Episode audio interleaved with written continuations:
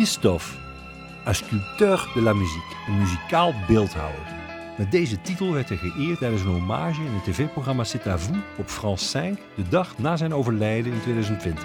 Christophe had een longziekte en werd slachtoffer van corona. In 1965 was hij doorgebroken met het chanson Aline. Aline, pour qu'elle revienne. Christophe was in die tijd een van de boegbeelden van de JJ-beweging met zijn James Dean-achtige look. Hij zou andere grote successen produceren als Les Marionnettes, Je construis des marionnettes de... of Les Mots Bleus. Je lui dirai les mots bleus, les mots qu'on dit avec les yeux. Hij hield van muziek, auto's en meisjes. Ici, c'est vrai, c'est inspirant. Donc je mettrai les femmes en premier. Vrouwen zijn inspirerend. Die zet op de eerste plaats. En Christophe had succes bij de dames. Hij zong erover in tout.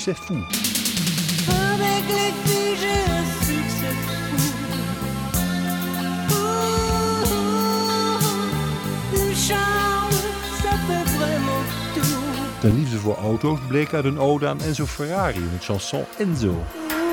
Enzo,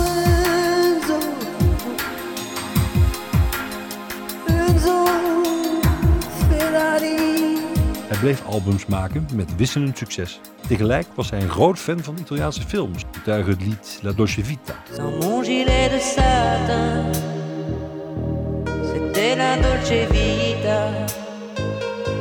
Zijn muzikale geestverwant was Jean-Michel Jarre, de goeroe van de synthesizermuziek.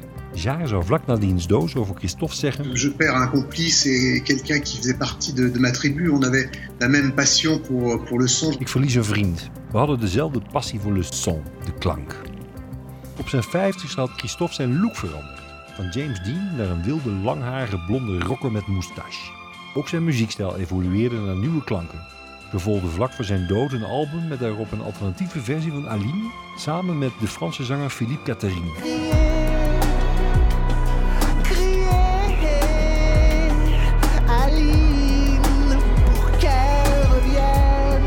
Christophe nam tegelijkertijd een ander succes op. Nu een duet met Arno Heentjes, die ook recentelijk is overleden.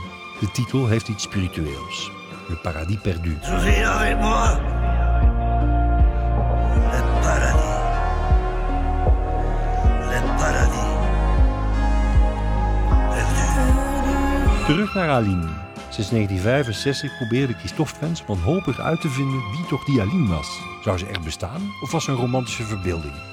Na aandringen zou Christophe verklappen dat Aline de knappe tandartsassistente Aline Natanovic was. Op wie hij zo verliefd was geweest dat ze hem geïnspireerd had tot het schrijven van zijn beroemdste liedje. Helaas voor Christophe is Aline Natanovic nooit in zijn leven gekomen. Want in 1965 had hij Les Mots Bleus nog niet kunnen vinden om haar te veroveren. Maar voor de fans zou het mooie meisje met het lieve gezicht dat hij in het zand getekend had vereeuwigd worden. Christophe's Aline.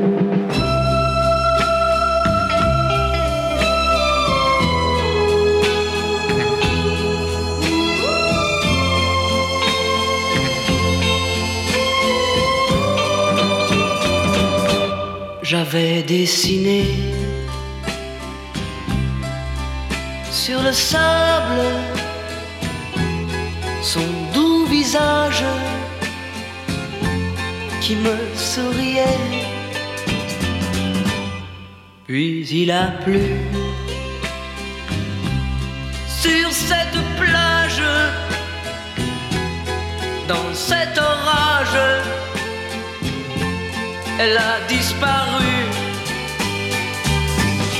Et j'ai crié, crié, Aline, pour qu'elle revienne. Et j'ai pleuré, pleuré, oh j'avais trop de peine.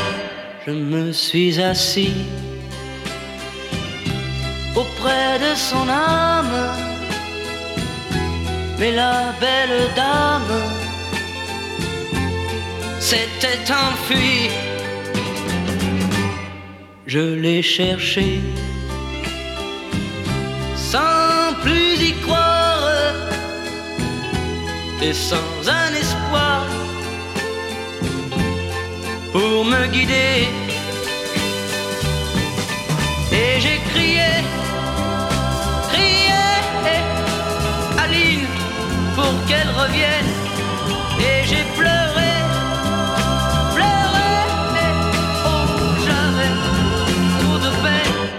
je n'ai gardé que ce doux visage comme une épave